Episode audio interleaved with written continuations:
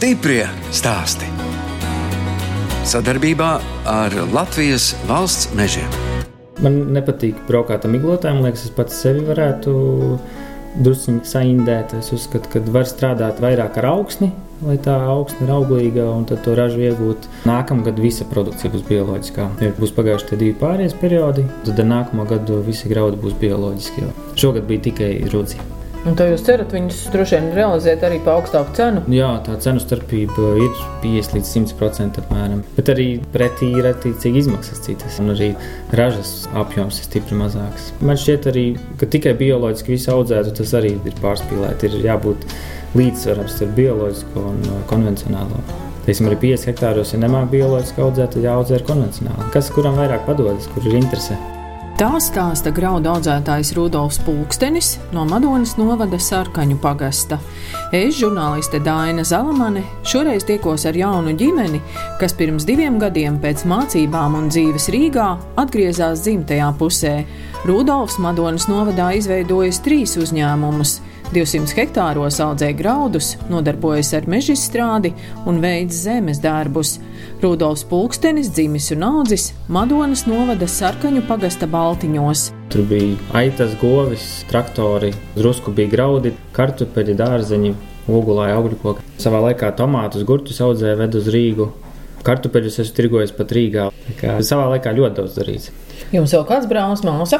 Jaunāks brālis arī par Rīgu jau tagad pārsvarā. Retam atbrauc ciemos. Skolas gados, ar ko jūs aizrāvāties? Madonā ļoti daudz pulciņu. Tad bija izmēģināti dažādi no papīra taisījām visādas mašīnas, modeļus. Aizgājāt uz Rīgas komerci ģimnāziju. Kāpēc tāda izvēle? Es sapratu, ka es gribu mācīties kaut ko citādāku. Komerci ģimnāzija tajā laikā bija prestiža, un uh, es nokavēju uz pirmo ģimnāziju termiņus. Bet arī tad jau bija domas, ka būs kaut kādi savi uzņēmumi. Visu laiku dīdījies esmu jā, par uzņēmumiem. Vidusskolā visus trīs gadus bija skolēna mācību firmas. Vienā gadā taisījām no metāla tās laimītas ar novēlējumiem iekšā. Nākamajos gados jau visos lielveikalos tirgo tādas pašas. Nākamajā gadā mēs izdomājām taisīsim no auduma somas iepirkuma. Tagad jau visos veikalos arī tādas tirgot. Hokeja čempionāta laikā mēs tirgojām apdrukātas, aplīmētas hokeja ripas vecrīgā tauta tērpos. Tas uzņēmēja gars jau no skolas laikiem. Jā, kaut kāds azarts, kaut ko jaunu iemācīties, kaut ko vēl izprast, kas nav saprotams. Nu, un pēc tās vidusskolas sākāt studēt? Jā, sāku studēt klātienē, dienas nodaļā. Pirmais gads bija Eiropas biznesa vadība. Angļu valodā lielākoties lekcijas Risebā.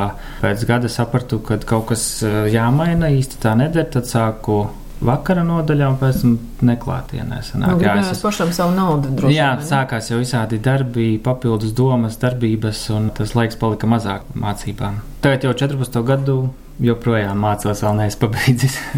Tagad jau tik bakalaura un viens priekšmets jānokārto. Bet varbūt, ka nevajag, nu jūs esat uzņēmējis. Nē, vajag pabeigt, jā. Arī bērni, teiksim, pamatot, kāpēc ir jāmācās. Sievai, mammai jau ir izglītība sen, bet tētim arī jāparāda, ka ir jāmācās, ne tikai jādara lietas. Kur iepazīstas jaunieši, kas dzīvo Madonā? Mēs iepazināmies deju kolektīvā. Nevis 7, 9, bet man liekas, jau 9, 12, jau tāda vecuma, jau 11 gadnieki.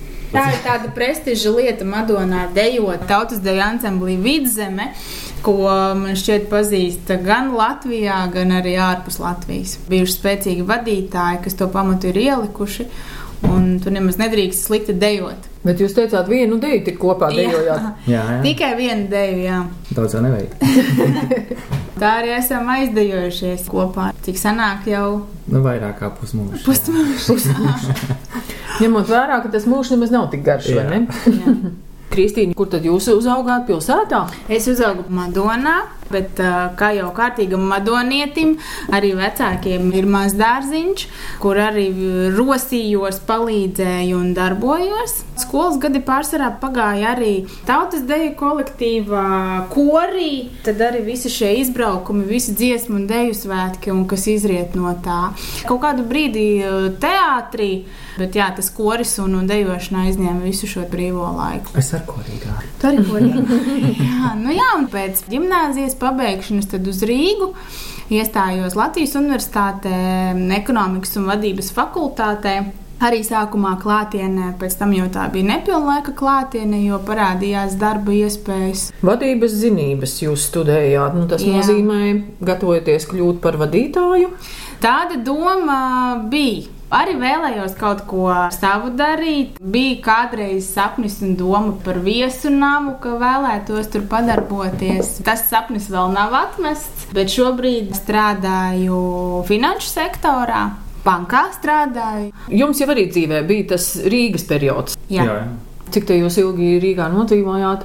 13 gadus mēs nodzīvojām Rīgā. Rudolf, ko tu jūs Rīgā darījāt? Es sākumā strādāju dažādās vietās. Pārista biju kafiju, taisīju, dublu kafiju bija tāds kafejnīca, restorāns. Viesnīcā Latvijā pastrādāju, aparatūras likām, tur tās konferences zāles kārtojām. Un tad uh, lielākais periods bija arī bankā - septiņi gadi. Sākumā bija pirmie gadi ar klientiem darbs, un tad uh, tāds saucamais back-office darbs ar papīriem. Visam ir savs laiks un vieta. Tā pieredze, ko ieguvu bankā, ir ļoti palīdzējusi arī tagad, strādājot priekš savos uzņēmumos. Tad jūs tā diezgan krasi esat mainījuši to savu dzīvesveidu. Ja? Nu, Kristīna varbūt mazāk, turpina strādāt bankā tikai Madonā. Jums tie lauksaimniecības darbi arī atvilka atpakaļ uz Madonu? Primāri lauksaimniecība, jā. Tā zeme atvilka atpakaļ, kad ir senču zeme, kuru vajadzēja sākt apsaimniekot pašiem, bija tā deksma un vēlme. Tā laikā arī varēja dabūt nomas zemes klāt. Pirmie divi gadi bija pa brīvdienām. Vakarā brīvdienas tika braukts šeit no Rīgas uz Madonu, darīts cik var, un tad atpakaļ uz Rīgu strādāt. Un tad pienāca brīdis, kad bija jāizdara izvēle, vai nu tad eju tālāk, teiksim, pa bankas karjeras kāpnēm, vai arī pilnībā nododos uzņēmumiem, kaut kādiem šeit uz vietas Madonā. Kristīna, kā tas ir, ka vīrs izdomā pēkšņi nodarboties ar lauksaimniecību? Jūs nemēģinājāt viņu atrunāt? Nu, gāja jau visādi un interesanti, bet man liekas, tas svarīgākais ir, ka tu uzticies tai savai otrai pusītei, paļaujies, ka viņš zina, ko dara. Protams, bija kaut kāds risks un bailes pārnākot šeit, bet es varētu teikt, ka nevienu brīdi nenožēloju, ka mēs esam atpakaļ. Stiprie stāsti!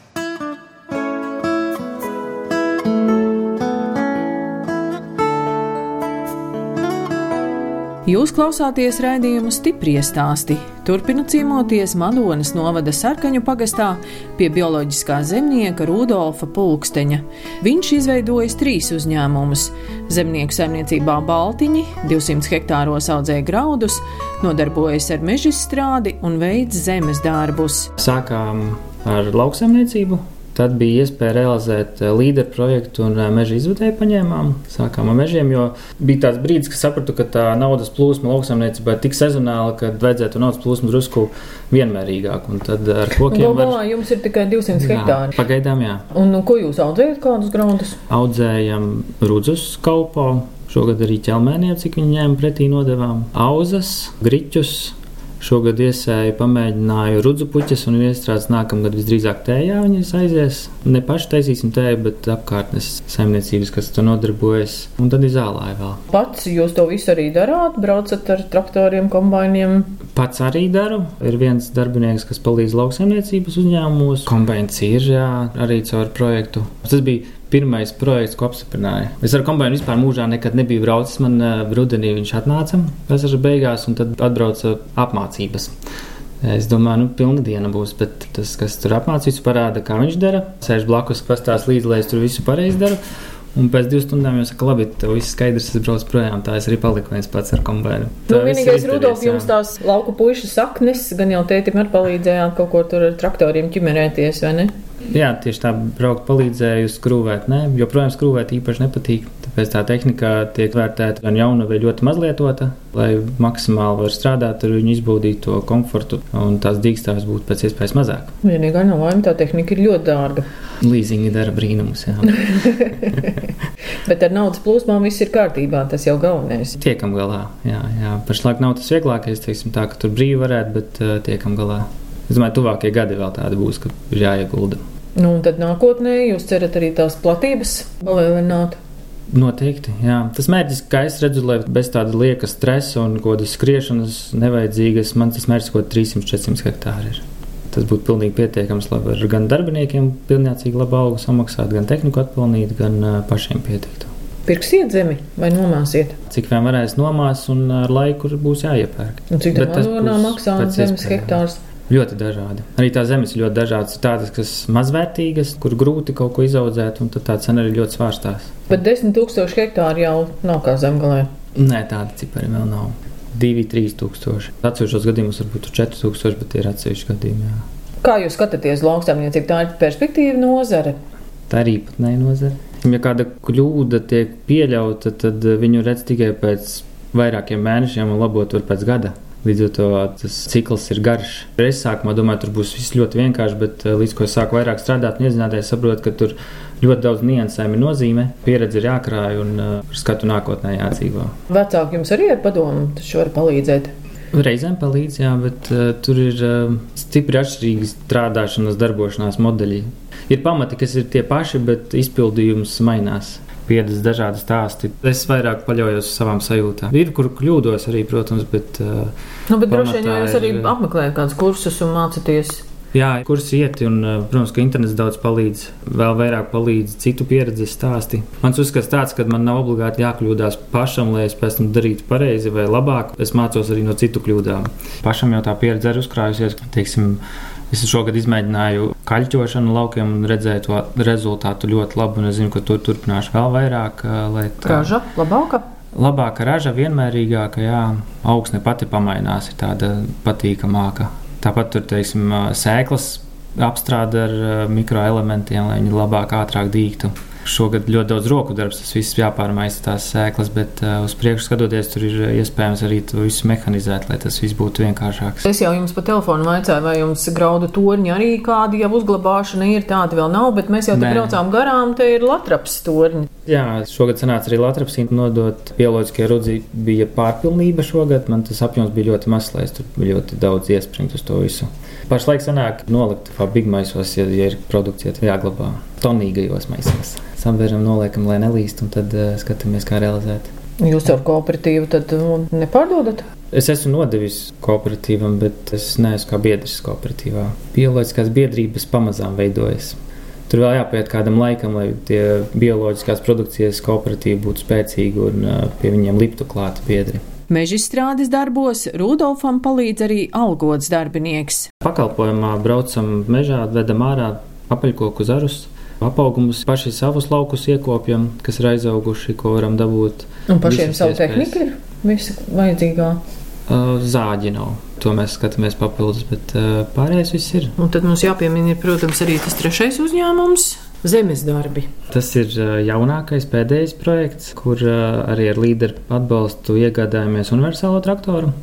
Lai varētu gan zemi bīdīt, stumdīt, kraut, bērt, visu darīt, līdzināt. Ar tādā veidā viens otru var papildināt, uzņēmumi var sniegt pakalpojumus. Jums arī viss tā attīstība tomēr iet caur dažādiem projektiem. Jūs paši rakstāt, Mēs paši rakstām, lielākoties man sanāk tas darbs pie rakstīšanas. Mums ir vairāki pieredzējuši speciālisti, kas ir palīdzējuši, kas pārlasa, izvērtē. Tie projekti lielākā daļa ir apstiprināti, daži, kas nav apstiprināti. Pieci apstiprināti, tad trīs ir uh, zem līnijas palikuši. Pieci par tehniku, tie lielie projekti, tad vēl ir mazie projekti, Madona var labāk divi. Darbinieki ir ņemti arī caur uh, nodarbinātības valsts aģentūras subsidētajām darba vietām, sēdz daļu algas, divi darbinieki tā ir ņemti. un jūs stāstīt, kas ir Madona vārds. Madona var labāk, tas ir Madonas novada atbalsts jauniem esošiem uzņēmumiem, dod vai nu jaunajiem tas līdz 4000 iekārtām dažādām. Jebkuram projektam, ja tu kaut ko realizē, ir pretī mērķis, kas jāsasniedz. Nu, naudu tāpat vien nedod neviens. Ja tu spēj pamatot to savu ideju un mērķi, kādu sasniegsi, tad arī tev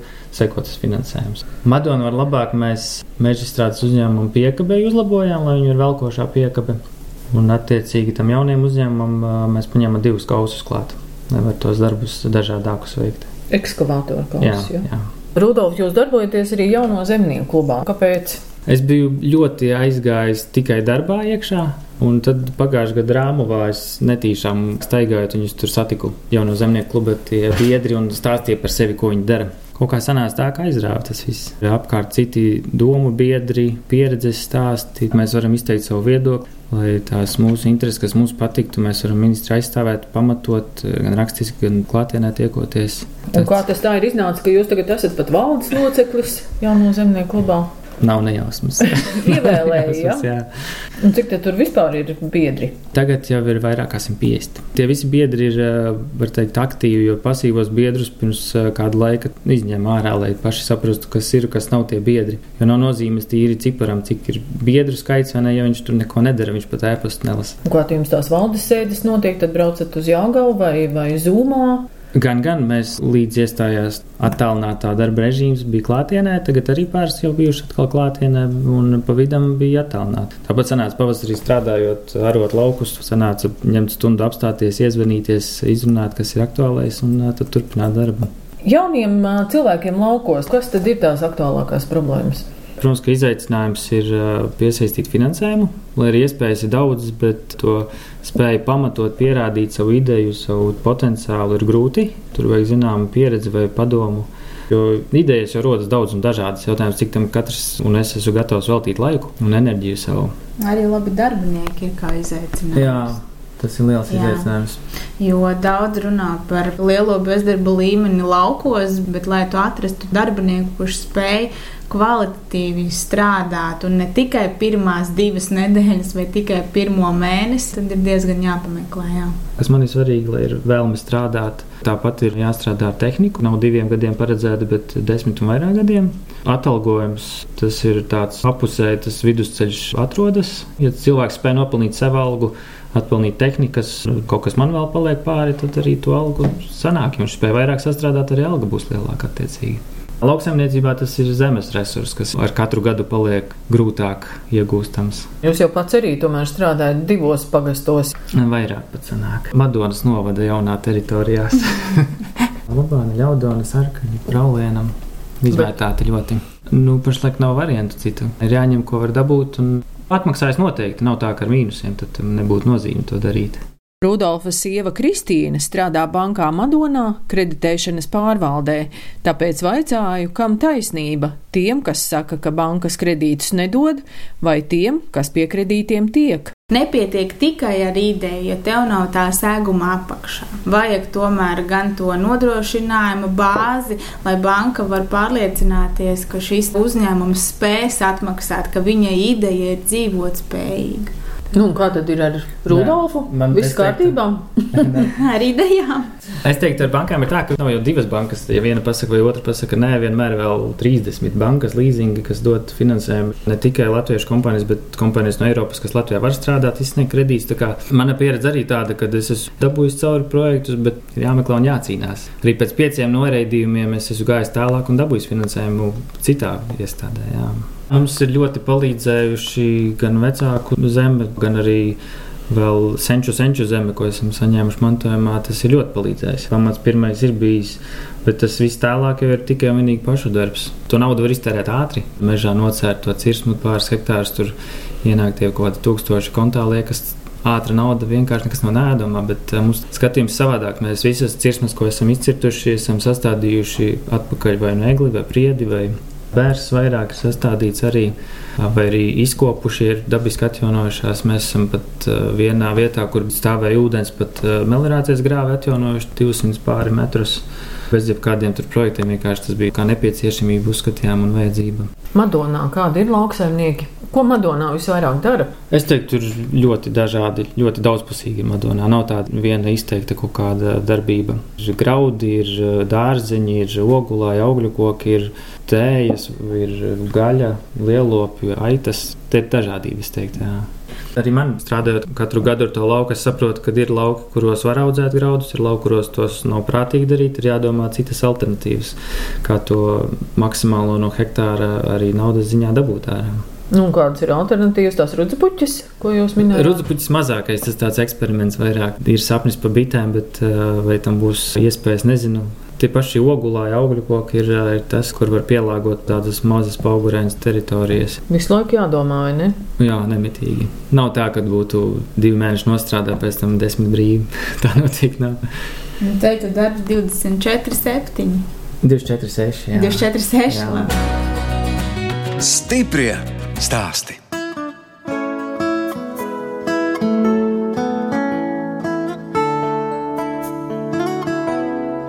Skan redzējums stipri stāsti. Šoreiz ciemojos Madonas novada sarkaņu pagastā pie bioloģiskā zemnieka Rudolfa Pulksteņa un viņa sievas Kristīnes. Pēc 13 gadu dzīves Rīgā viņi atgriezušies dzimtajā pusē un audzina divus bērnus - meitu Karlīnu un dēlu Valteru. Mēs jau tā no Madonas pavisam nebijām aizbēguši, jo mm. tāpat mēs, ja ne katru sestdienu, svētdienu, tad katru otro mēs šeit pavadījām. Protams, Protams, šeit nav tādas iespējas kā Rīgā, ka tu vari izdomāt aiziet uz kino vai izdomāt uz bowlingu vai uz zooloģisko dārzu. Šeit vairāk nākas paplānot to savu brīvo laiku. Bet, nu, šeit ir tāds mierīgāks dzīves stils. Ja Jā, lai arī tas piedāvājums nav tik liels, bet viņš ir ļoti kvalitatīvs. Tepat uz vietas var atrast ļoti daudz izklaidēju un atpūtēju. Te ir plašas iespējas dabas takas izstaigāt. Karolīna vispār atcerās vēl to laiku, kad jūs dzīvojat Rīgā? Jā, Karolīna atcerās, ka Karolīnai bija robežas starp pieciem un sešiem gadiem, kad mēs pārnācām uz šejieni dzīvot. Viņa ik pa laikam stāsta, kas ir Rīgā bijis, ko ir darījusi. Un, un tad es viņai jautāju, kur tu labāk jūties. Viņa saka, viennozīmīgi šeit, jo šeit ir brīvība, šeit var iziet ārā, te ir uh, draugi, kas nemainās. Piemēram, Rīgā aizejot uz parku, kas tev tajā dienā ir, tas tev tajā dienā ir. Tāpat bērnu dārzā bija katrs no sava mikrorajona. Jā, tad viennozīmīgi viņa šeit ir laimīgāka. Divus gadus kopš mēs pārcēlāmies, viņa arī dejoja šeit baleti, jo viņa Rīgā bija sākusi baleti dejot. Šajā vasarā domas viņai mainījās un ļāvām izvēlēties un darīt to, kas ir pašs aicinājums. Bija trīs dienas, kad varēja visus pulciņus izteigāt cauri, apstīties, pabūt, parunāties ar bērniem, un tad viņi jā. tādā veidā arī saprata, kas vairāk patīk. Šogad viņi izvēlējās apmeklēt distanču slēpošanu. Nu, Madona gan ir slavena ar to, ka sniega te ir vairāk nekā citās Latvijas vietās. vairāk nekā citur, jā, bet šeit ir tāda alternatīva kā roller slēpošana. Arī šie pasaules čempionāta posmi pie mums notiek, un ir arī fiziskās attīstības treniņi. Protams, ir mākslas skola, ir mūzikas skola. Nu, dēlam kādas intereses, ja trīs gados. Kombinācija pirmajā reizē, tad traktors, jā, un tas skriet, jā. Māsu kaitināt viņam ļoti patīk. Nu, viņš uz tehnikām ir ļoti tendēts. Patīk jau tomēr pogas paspaidīt, kurķis paraustīt, jā. Iekāpt iekšā. Mēģina skrūvēt kaut ko. Jāsako līdzi mums mājās, ļoti bieži jauni instrumenti parādās. Jo mazais puika ir uh, paņēmis līdzi kaut ko kabatā iebāzis. Un... Uh, Kādu stāvu atslēgu? Ja? jā, jā, jā. atslēgas āmuru, visu kaut kas te nāk. Šo pavasaru bērni ļoti palīdzēja arī uz tehnikām strādāja līdzi. Nebija variantu.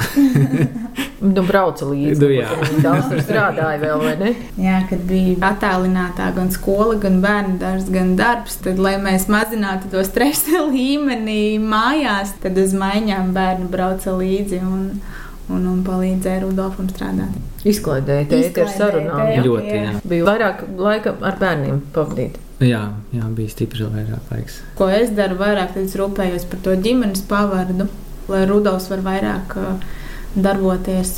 Tas savā ziņā arī man pašai liek būt tādai mobilākai, spēt pielāgoties tām situācijām, kas rodas. Jo, protams, tu pierodi pie tā, ka tev otra pusīte ir uh, darba dienās mājās pēc sešiem, brīvdienas vienmēr visas ir kopā. Nu, tad šeit ir, ir vairāk jāsaplāno tas laiks. Tā ir atkal atbalsta komanda, vecāki. Nu, jā, jā, tas ir ļoti liela atbalsta komanda. Jā.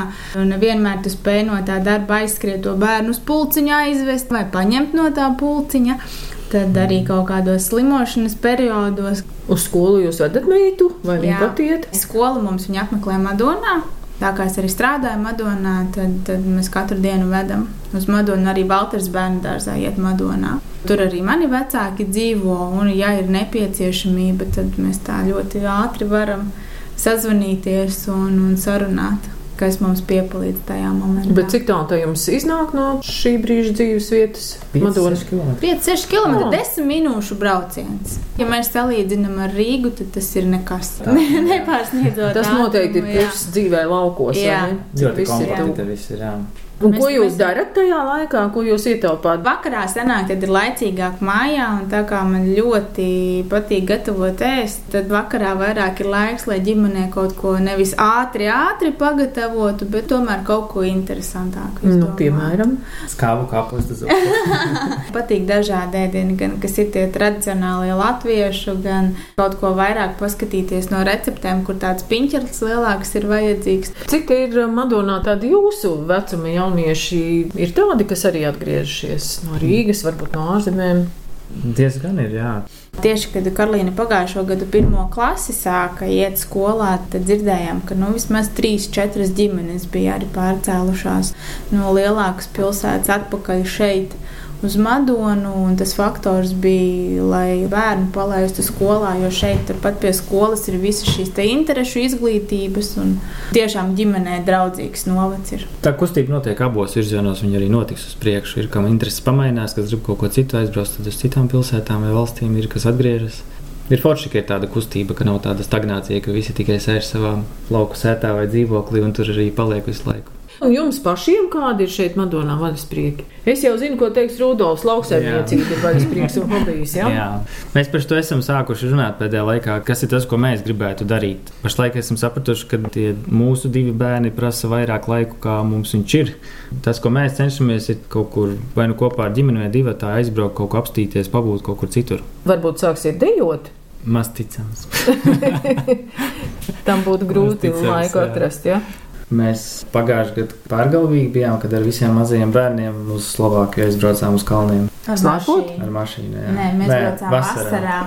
Staigāt pa kalniem. Tas bija tāds pirmais mums visiem četriem tālais brauciens. Arī mazais divgadīgais? Arī mazais divgadīgais. Nu, tad to jau bija jānes kalnā augšā, vai ne? Abi Jā. divi bija jānes. Beigās, jā.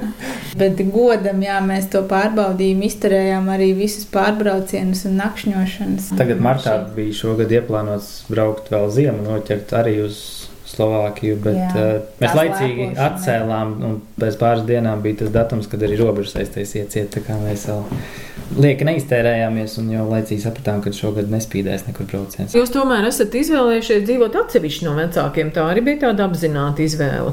Jā, mēs sapratām, ka mēs gribam savu veidot. Mēs palīdzam vecākiem, cik varam vecāki mums palīdz, bet uh, tā ikdienā jābūt ir katram savā mājā. Bet ko saka jūsu vecāki, ka jūs tagad esat atgriezušies? Priecājas droši vien. Priecājas. Mazbērns priecīgāk, Jā, jā. ka mazbērni ir tepat tuvumā un, un var palīdzēt. Un... Un arī, ka mēs varam palīdzēt, un tāpat eh, mazdārziņā izaudzēto, tad jūt, kad ir tepat bērni, mazbērni, kas palīdz notiesāt. Bet redzījuma noslēgumā vēl kopā ar Kristīnu un Rudolfu pulksteņiem aizbraucam uz vietu, kur pēc četriem gadiem būs uzcelta viņu jaunā māja. Senču senči tie dzīvojuši. Un tas mūsu mērķis un plāns un sapnis ir, kad mēs šeit savu māju vietu celsim. Cik skaisti ir tie lielie vecie koki. Ļoti, jā. Tie ir ozoli vai Ozoli ālēja. Un arī jaunie ozoli tepat blakus ir sasējušies. Vieta ir ar spēku. Sauc kalna tīlāni. Tāda kalna virsotne maza. Un tās drupas, kas tur ir palikuši, tie akmeņi. Tur Jā. bija kūts. Tuvāk bija kūts, tur tālāk bija klēts. Tur tālāk ar mūri vēl palikuši. Tas mazliet apaudzis ir pagrabi.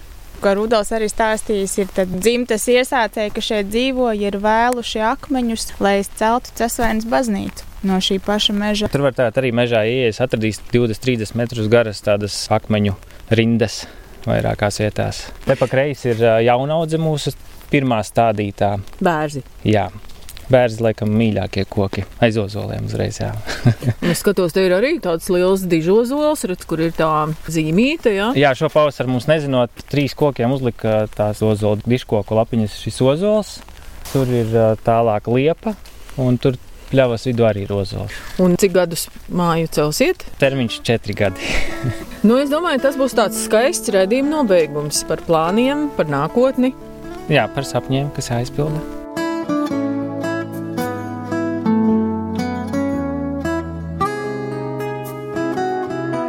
Radījums stipri stāst izskan, un es atvados no Rudolfa un Kristīnas pulksteņiem, kas pirms diviem gadiem no Rīgas atgriezās dzimtajā Madonā. Rudolfs bioloģiski audzēja graudus, nodarbojas ar meža strādi un zemes darbiem, bet Kristīna strādā bankā, abi audzina divus bērnus un pēc četriem gadiem uz Senču zemes plāno uzbūvēt savu māju. No jums atvedās žurnāliste Dāna Zalamane un operātore Inga Bēdelē, lai tiktos atkal tieši pēc nedēļas.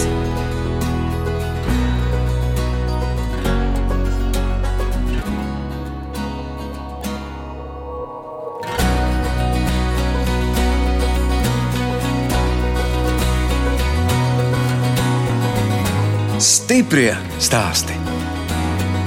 Sadarbībā ar Latvijas valsts mežiem.